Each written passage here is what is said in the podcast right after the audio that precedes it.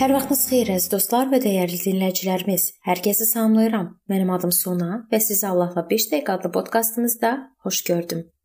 Bir neçə gün mən sizinlə övladların valideynlərə münasibəti haqqında danışmaq istəyirəm. Süleymanın məsələlərindəki bir çox ayələr bu müraciətlə başlayır. Oğlum, məsələn, oğlum, atanın əmrini yerinə yetir. Ananın öyrətdiklərini atma. Onları qəlbinin başına yapışdır Həmişə onları boynuna bağla. Gəzəndə onlar sənə yol göstərər, yatanda səni hifz edər, oyananda sənə məsləhət verər. Süleyman 6:20-22 Valideynlər sizə həyatda özünüzü necə aparmalı olduğunuzu öyrədirlər.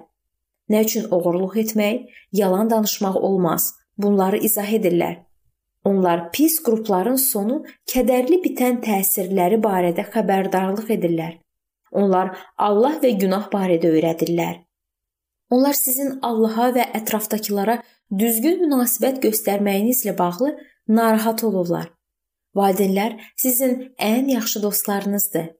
Əlinizdən gələn hər şey edin ki, onlarla yaxşı münasibət saxlayasınız. Efeslərə 6:1-3-də yazılıb: Ey övladlar, Rəbdə olduğunuza görə ata-ananıza itaat edin. Bu haqqdandır. İçində vəd olan ilk əmr budur. Ata-anana hörmət et ki, xoş güzaranın və yer üzündə ömrün uzun olsun. Valideynləri ilə yaxşı münasibət saxlamaq üçün uşaq özünü belə aparmalıdır. Bu, Allah və valideynlər qarşısında öz məsuliyyətini dərk etmək üçün indi kifayət qədər böyük olan uşaqlar üçün yazılıb.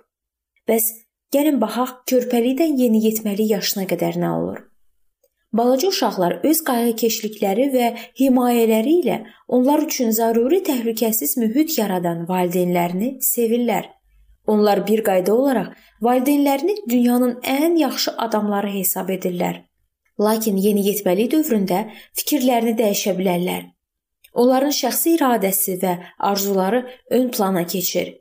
Yeniyetmələrin məsləhətçiləri ailədən kənarda olan dostları olur. Bütün bu şeylər ailədə problemlərə yol aça bilər. Uşaqlar üçün ailəyə yaxın olmayan adamlarla yeni münasibətlər qurmaq təbii haldır.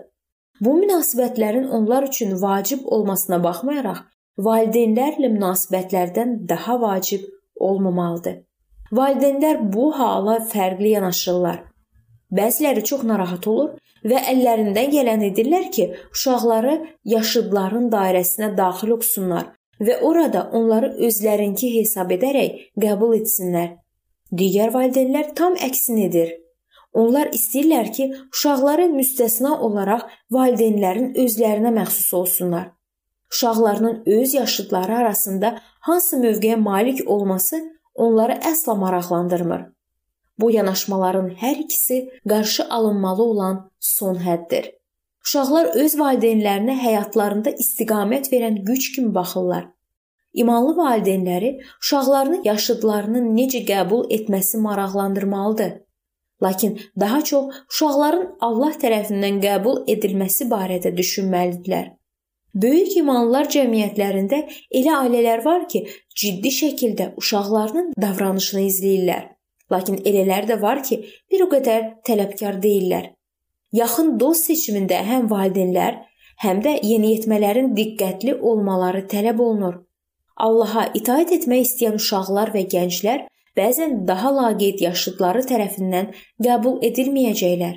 Onların ruhani rifahı üçün narahat olan valideynlərlə yaxşı münasibətlər belə anlarda onlara böyük kömək edə bilər.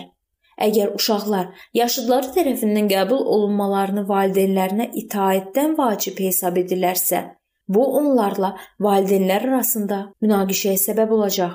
Bəzən uşaqlar valideynlərin onlara nə isə qadağan etməsini anlamırlar.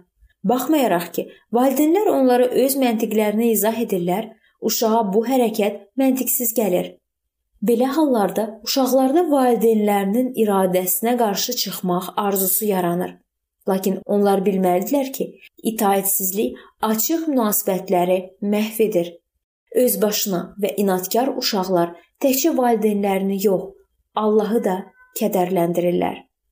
Bu mövzunun davamını biz növbəti görüşümüzdə araşdıracağıq.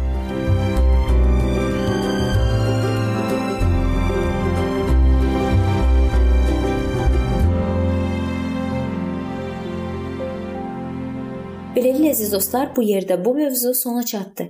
Hər zaman olduğu kimi sizi dəvət edirəm ki, bizim podkastlarımızı Facebook səhifəmizdən və YouTube kanalımızdan dinləməyə davam eləyəsiniz. İndi isə mən sizinlə sağollaşıram və növbəti görüşlərdə görmək ümidi ilə sağ olun, salamat qalın.